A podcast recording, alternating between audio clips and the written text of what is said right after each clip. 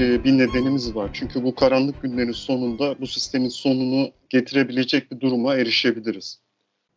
Virüs salgını kapitalizmin büyük krizini öne çekmiş gözüküyor. Yani bugün IMF gibi kurumların yöneticileri bırakın 2008 küresel finans kriziyle karşılaştırmayı 1929'daki büyük buhrandan daha derin bir krize yuvarlandıklarını itiraf ediyor. Karl Marx'a göre kapitalizmin kendi yapısından kaynaklı olarak krizlere girmesi kaçınılmaz olan bir üretim tarzı. Bahsettiği, Marx'ın bahsettiği kriz bu 5-10 yılda bir Türkiye ekonomisinde gördüğümüz, dünyanın çok çeşitli yerlerinde gördüğümüz mali krizler, borç krizleri değil aslında kastettiği kriz. Bunların geçici mali krizler olduğunu söylüyor ama esas başka bir krize dikkat çekiyor kapitalistlerin kar oranlarının düşmesinin eldeki yöntemlerle engellenememesinden dolayı düzenin artık işleyemez ve eskisi gibi süremez hale geldiği çöküş durumları. 1929'da dünya böylesi bir bunalımı yaşandı. Ee, bunun arkasından İkinci Dünya Savaşı patlak verdi. Marshall Planı'yla dünya yeniden inşa edildi. Sosyal devlet diye bir yeni bir Keynesyen teori ortaya koydular. Bu iş 1960'lara kadar sermayenin büyümesini sağladı e, esas da e, bir tür işçi sınıfını ve emekçi sınıflarında e, aşırı servet birikiminden pay almasını sağlayacak bir modeldi. Daha sonra bu model 1960'ların sonunda tekrar durgunluğa girdi ve kırıldı ve kar oranları düşmeye başladı. İşte bugün çok sık koronavirüs salgı, koronavirüs ismiyle beraber bir başka virüsü de konuşuyoruz. Bu virüsün adı neoliberalizm neoliberalizm e, burjuvazinin düşen kar oranlarını maksime etmek için buldukları son icattı dünya kapitalist sınıflarının. E, bu, bu toplantının katılımcıları ömür boyunca bu neoliberalizmin düsturlarını hep dinlediler. Bir kez daha e, hatırlayacak olursak devlet üretimden çekilirse sağlık, sosyal güvenlik, eğitim gibi vergi karşılığı alınan kamusal hizmetler özelleştirilirse ve paralılaştırılırsa yani bunların her biri metalaştırılırsa ve sendikal örgüt, sendikal örgütlenmeler yok edilirse her şey ucuzlayacak, kaliteli olacak, herkes sağlığa ulaşacak, herkes sosyal güvenliğe ulaşacak. Hatta Francis Fukuyama Amerikan toplumunun bunun öncüsü olduğunu söyleyerek sınıfsız topluma ilerlediğini söylüyordu. Bundan 30 yıl önce. Ee, yine neoliberalizme göre ekonomik krizlerin tek nedeni hükümetlerin ve yöneticilerin verdikleri yanlış kararlardı e, hükümetler ve yöneticiler e, ekonomiden ellerini çektiklerinde ve sadece teknik birer düzenleyici haline geldiklerinde merkez bankalarının bağımsızlığı kabul edildiğinde piyasa ekonomisi her şeyi çözecekti. Yani bize şey vaat ediliyordu. Krizlerden kendi kendi kendine kurtulabilecek bir sistem. E, hemen salgından önce e, bu iddiaların uygulanması, neoliberalizmin uygulanması sonucunda bir şey ortaya çıktı. Görülmemiş bir servet yüzde birlik bir e, küresel azınlığın elinde toplandı. Ama e, küresel çoğunluk büyük bir yoksullukla karşılaştı. Arz talep dengesi bozuldu. E, dünya imalat sanayisi talep azlığından dolayı yavaşlamaya başladı ve talep azlığının en önemli nedeni e, milyarlarca insanın alım gücündeki radikal düşüşler ve istikrarsızlıktı. Yarının ne olacağını bilememekti. Sonra isyanlar başladı. Şimdi e, e, Wuhan'ı, krizi, ABD, İngiltere'yi konuşuyoruz ama daha geçen yıl Irak'taki isyanı konuşuyorduk, Lübnan'daki isyanı konuşuyorduk, Şili'deki isyanı konuşuyorduk.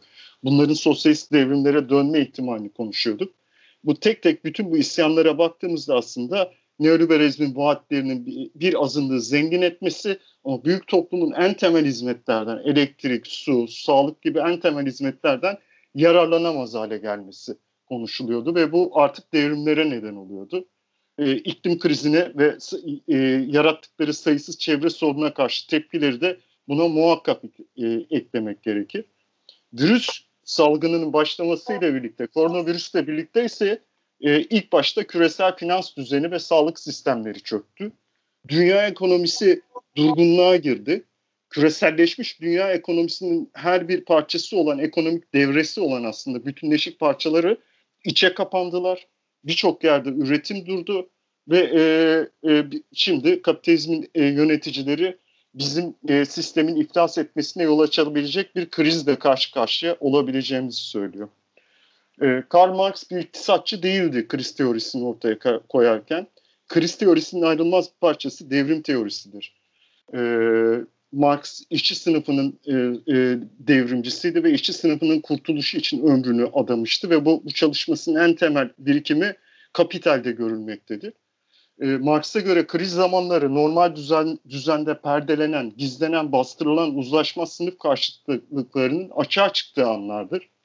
İşini, ekmeğini, hayatını, sevdiklerini kaybetmekle karşı karşıya kalan işçiler toplumun üzerine örten ideolojik perdeler kalktığı için kapitalistlerle aralarındaki uzlaşmaz karşıtlığın farkına varır.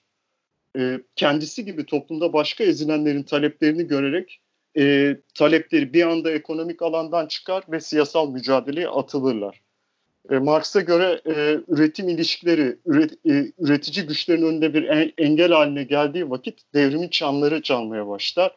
Yeni bir toplumsal düzenin, yeni bir toplumsal örgütlenmenin zamanı gelmiştir. Virüs krizi, e, iklim krizini de buna etkili, eklemeliyiz muhakkak. E, kapitalizmi büyük bunalıma sürerken iki uzlaşmaz sınıfın, bu toplumu e, iki temel sınıfının salgına karşı savunduğu tedbirler, bunu Deniz başta söyledi, e, sosyalizmin, kapitalizmin alternatifi olduğu gerçeğini bir kez daha insanlık gündemine taşıyor. E, bugün yaşanan kriz sadece basit bir kriz değildir mevcut toplumsal yapının bütünüyle insan hayatına, çoğunluğun hayatına, çoğunluğun geleceğine aykırı olarak örgütlenmesinin çok açık bir şekilde ortaya çıktığı ve değiştirilmesinin gündeme geldiği bir kriz. Buradan Covid-19 gerçeğine geçersek, e, kapitalist girişimcilerin her gün daha fazla doğal alanı işgal etmesi, hayvan yaşam alanlarını yok etmesi, hayvanları ticari meta olarak kullanmaları, nadir hayvan ticareti yapmaları, hayvan üretim çiftlikleri kurmaları ve pazarlarının pazarlarını oluşturmalarının bir sonucu olarak hayvandan insana geçen bir virüs. Tedavisi ve aşısı şu anda yok. Wuhan'da ortaya çıktı ve mal, hizmet ve sermayenin dolaşımı ile küresel kapitalizm ile dünyaya yayıldı. Ee, bildiğimiz diğer şey ise, önemli şey ise damlacık yoluyla bulaşan bir hastalık. Salgının yayılmasını önlemenin ve ölümleri durdurmanın yolu aşısı bulunana kadar bu böyle olacak insanların mesafelenmesi. İşte burada e, aslında çok güncel bir tartışmaya geçiyoruz. İnsanları yakın mesafeye iten e, bu hayatta çoğu zaman kendi tercihleri değil. Kapitalist üretim, üretim tarzının ta kendisi. Kalabalık insan topluluklarının hareketleri me, e, mecburi kılan her sabah işe gitmemiz, günümüzün 8-12 saatini çalışarak geçirmemiz, şehirlerin etrafında örgütlendiği fabrikalarda ve iş yerlerinde yan yana gelmemiz, maksimum emek sömürüsü için örgütlenmiş üretim bantlarında ya da masalarda dip dibe çalışmamız. İşte, işten çıktıktan sonra kalabalık toplu taşım araçlarına, çok nüfus toplu taşım araçlarıyla çok nüfuslu mahallelere gitmemiz. Bir ya da birden fazla marketten toplu olarak alışveriş yapmamız. Bunu, bu tek bir seçenek. Ve günlerin böyle tekrarlanmasına yol açan bu toplumun ta kendisi. Ve kapitalizmin temel yasası. Kapitalizm birikim için birikim, sermaye birikimi temelinde örgütlenen bir toplumdur. Ve piyasa ekonomisi bu yüzden kaotiktir. İnsanların ihtiyaçları değil, sermayenin ihtiyaçları etrafında gidip geliyoruz. Bu yüzden e, kapitalistler bugün Covid-19 karşısında ilk başta üretimi durdurup alelacele tedbirlerle her şeyi ellerine yüzlerine bulaştırırken, toplumları e, hasta ederken, şimdi ise sürü bağışıklığından, Türkiye'de olduğu gibi hastalığın kontrollü yayılmasından, e, ya da e, Bo Brezilya'daki e, aşırı sağcı Bolsonaro gibi yaz yağmuru gibi gelip geçeceğinden bahsederek üretimi devam ettirmek istiyor. E, salgının yayılmasına yol açacaklarını bildikleri halde. Ama bunlara karşı bir başka öneri var. Salgının yayılmasını önlemenin, hastalığı izole etmenin, aşı bulununcaya kadar hayatların korunmasının tek yolu İstanbul ve Marmara bölgesindeki fabrikalardan, dünyanın birçok kentinden kentindeki fabrikalardan yükselen işçilerin gerçekçi çözüm önerisidir. Bu üretim durmalıdır. E, üretimin durması talebidir. Zorunlu sektör hariç üretim durdurulmalı. Herkesin temel ihtiyaçları karşılanmalı. Borçları ertelenmeli. Toplumun ayakta kalabilmesi için devam etmeye zorunlu olan enerji, altyapı, gıda, lojistik gibi iş kollarında üretim, işçilerin mesafelendirilmesine göre yeniden örgütlenmeli. Tüm hayat yeniden örgütlenmeli tüm ekonomik kaynaklar sağlık ve sosyal sisteminin güçlendirilmesi için kullanılmalı. Salgına karşı tek gerçekçi çözüm önerisinin taleplerinin temelinde ise bir başka fikir var. Kapitalistler birikim için birikim temelinde toplumu örgütlerken Bugün Türkiye'de işçi sendikaları, fabrikalardaki işçi temsilcileri, dünyanın her yerindeki işçi temsilcileri bambaşka bir şey öneriyor. Üretimin tüketim için, toplumun ihtiyaçları için örgütlenmesi. İşte buradan itibaren sosyalizmi konuşmaya başlıyoruz. Aynı zamanda işçi temsilcileri, aktivistler, feryat eden birçok kesim e, üretimin durdurulmasını istersen, isterken aslında şunu kastediyor. Kitle grevleri.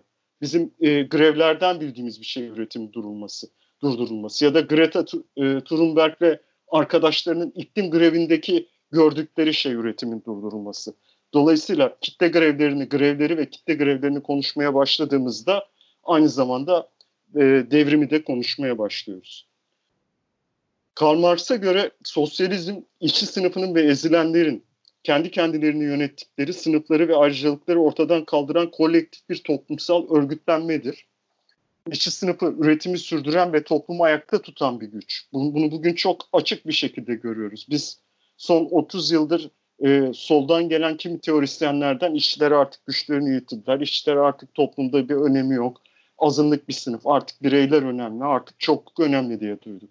Ama aynı zamanda bunun bir diğer tarafı da vardı. İşte Soma'da madencileri e, devlet görevlileri tekmelerken e, o zaman da e, işçi sınıfı ayağa kalkmıştı. Siz işçileri hakir göremezsiniz. İşçiler bu toplumu ayakta tutan güçtür diye ortaya kalkmıştı.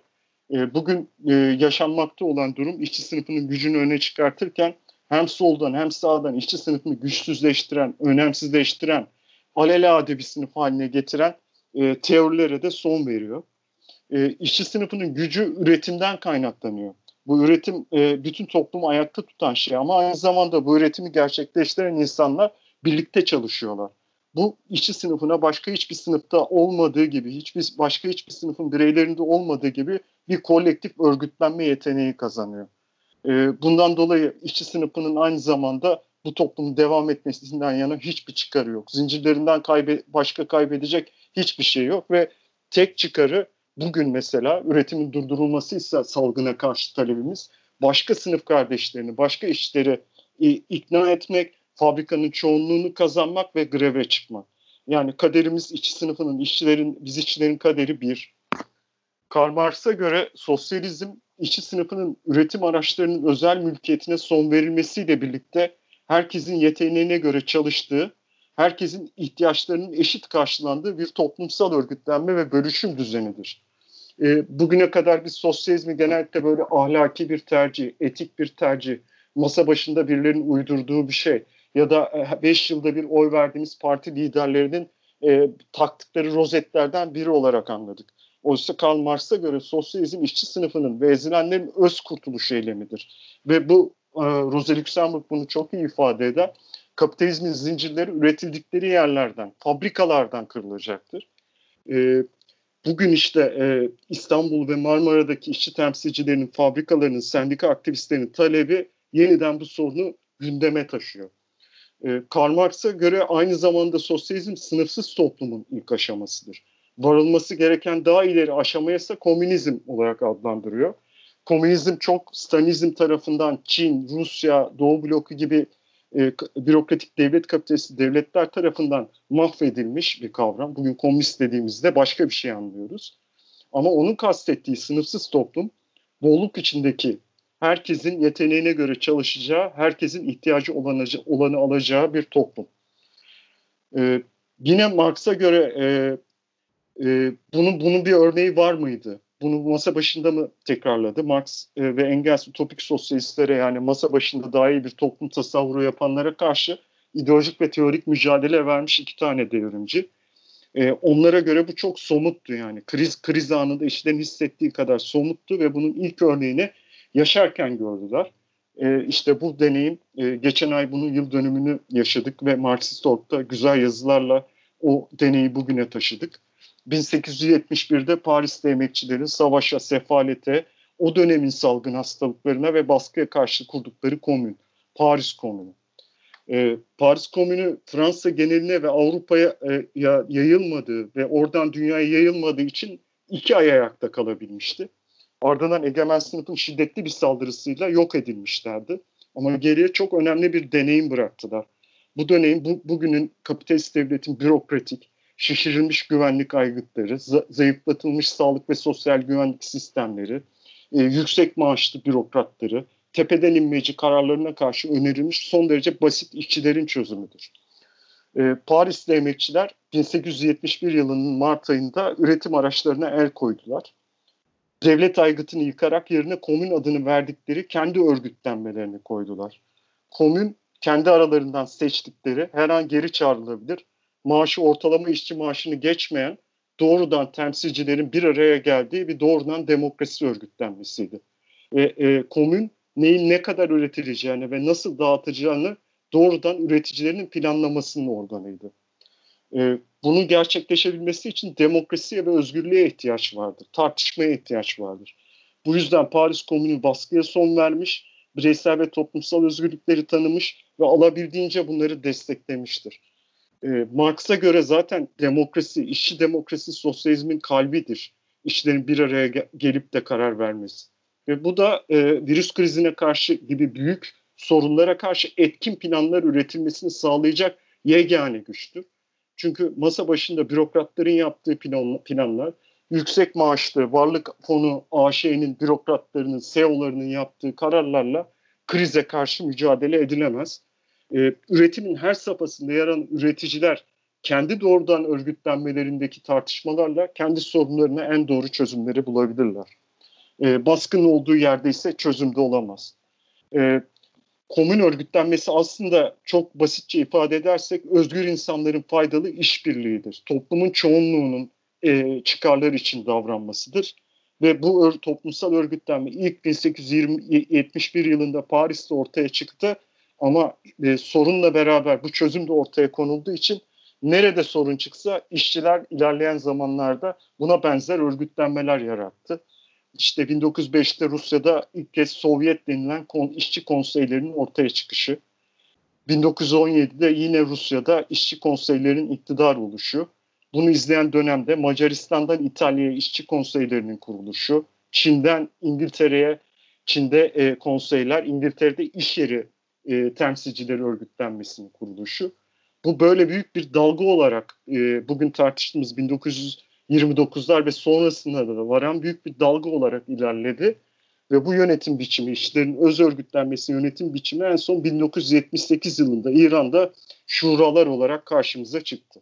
Mollalar rejimi tarafından bastırılana dek e, İran'daki toplumsal düzeni bir şehirde neyin ne kadar üretileceğini, o şehrin güvenliğinin nasıl sağlanacağını, insanların nasıl besleneceğini şuralar karar verdi. Çok geçici bir dönemdi.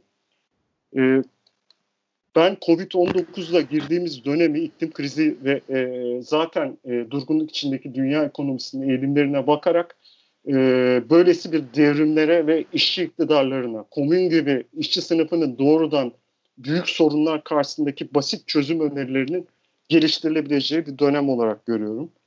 E, bugün kapitalist toplumun iki temel sınıfı, kapitalistler ve işçiler arasında uzlaşmaz karşıtlık, yöneten azınlığın, yönetilen çoğunluk çoğunlukla çıkarlarının kökten farklı oluşu e, bütün bunların milyar, milyarlarca insan tarafından görülmesi e, sosyalizmin gerekliliği fikrine kapıları açılıyor, açıyor. E, bugün dünyanın her yerinde işçiler, ezilenler, fakir köylüler, e, dükkanı batan küçük esnaflar sosyalistleri dinlemeye hazırdır. Çünkü kapitalizm işlemiyor, kapitalizmin bulduğu çözümlerin hiçbirisi işlemiyor. E, dolayısıyla şimdi sosyalizmin zamanı geldi. Bu başka türlü de olamazdı zaten. Biz aşağıdan sosyalizmi savunuyoruz. Aşağıdan sosyalizm ancak işçilerin kendi öz eylemleriyle kurtuluşlarını sağlayabilecekleri ve başka ezilenlerin kurtuluşlarına yardım ederek özgürleşebildiklerini anlatır.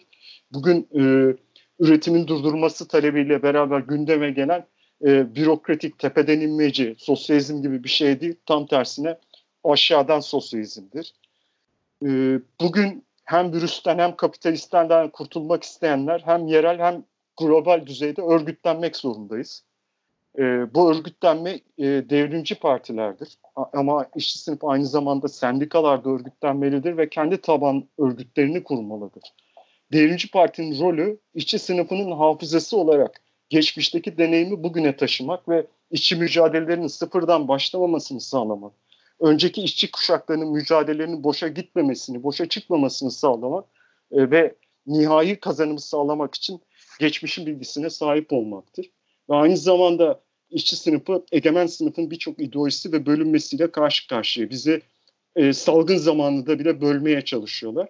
Devrimci Parti aynı zamanda sadece işçi sınıfının fabrikadaki iktisadi konumuna bakmayıp e, başkalarının da göçmenlerin, LGBTİ artı bireylerin, e, Kürtlerin, ezilen ulusların, kadınların toplumda, kapitalist toplum içinde feryat eden kesimlerinde e, sesi olmasına yardımcı etmeli, o, olmalıyız. Devrimci Parti bu yüzden milliyetçiliğe, cinsiyetçiliğe, homofobiye karşı mücadelenin e, yürütmesi açısından işçi sınıfının e, kurtuluş davasına e, yardımcı olmalıdır. E, bugün e, her bir aktivist eve sıkışmış olabilir ya da işe gidip ge- gelip e, kendi arkadaşlarıyla kısıtlı olarak gör- görüşüyor olabilir. Ama ister e, cep telefonuyla ister aramıza e, bir buçuk metre, dört metre bırakarak her yerde kapitalizmi teşhir etmeliyiz. E, üreticilerinin kendi mücadeleleri içinde yer alıp, işte bugün e, işçi sınıfının virüse karşı en çok mücadele eden kesimlerinin e, inşaat işçileri olduğunu görüyoruz. E, aynı zamanda e, metal fabrikalarında büyük huzursuzlukların yaşandığını görüyoruz ve bugün salgına karşı başın savaşın başını çekense yine sağlık emekçileri, doktorlar, hemşireler ve sağlık e, teknisyenleri, aynı zamanda hastane güvenlikçileri, işçiler. Dolayısıyla e, bugün sosyalistler e, e, bu kesimlerin taleplerinin savunucusu, kararlı savunucusu olarak toplumu bu talepler etrafında birleşmesine yardımcı olmalılar. Buna yardımcı olabildiğimiz oranda e, geçen yıl Sudan'da ve Tunus'ta yaşanan gelişme, pardon Cezayir'de yaşanan gelişmelerin bir benzerini bile e, yaşama imkanına kavuşacağız. E, her bir mücadele içerisinde işçi sınıfının günde, güncelik taleplerini, bu talep maskede olabilir, bu talep e, 40 lira günlük iş ödeneği değil de 100 lira, 90 lira da olabilir. E, ya da tam tersine baskıya son, üretim dursun gibi daha siyasi bir talep olabilir. İrili ufaklı bütün taleplerine e, destek vermek, bu taleplerin sözcüsü olmak, bu taleplerin her yerde gür bir şekilde duyulmasını sağlamak ama aynı zamanda yan yana geldiğimiz her sınıf kardeşimize, her işçiyi de devrimin gerekliliğine ikna etmek zorundayız. E, burada e, sözlerimi bitiriyorum. E, işçileri ve ezilenleri Türkiye'de disipe, dünyada uluslararası sosyalistlere katılmaya davet ediyorum.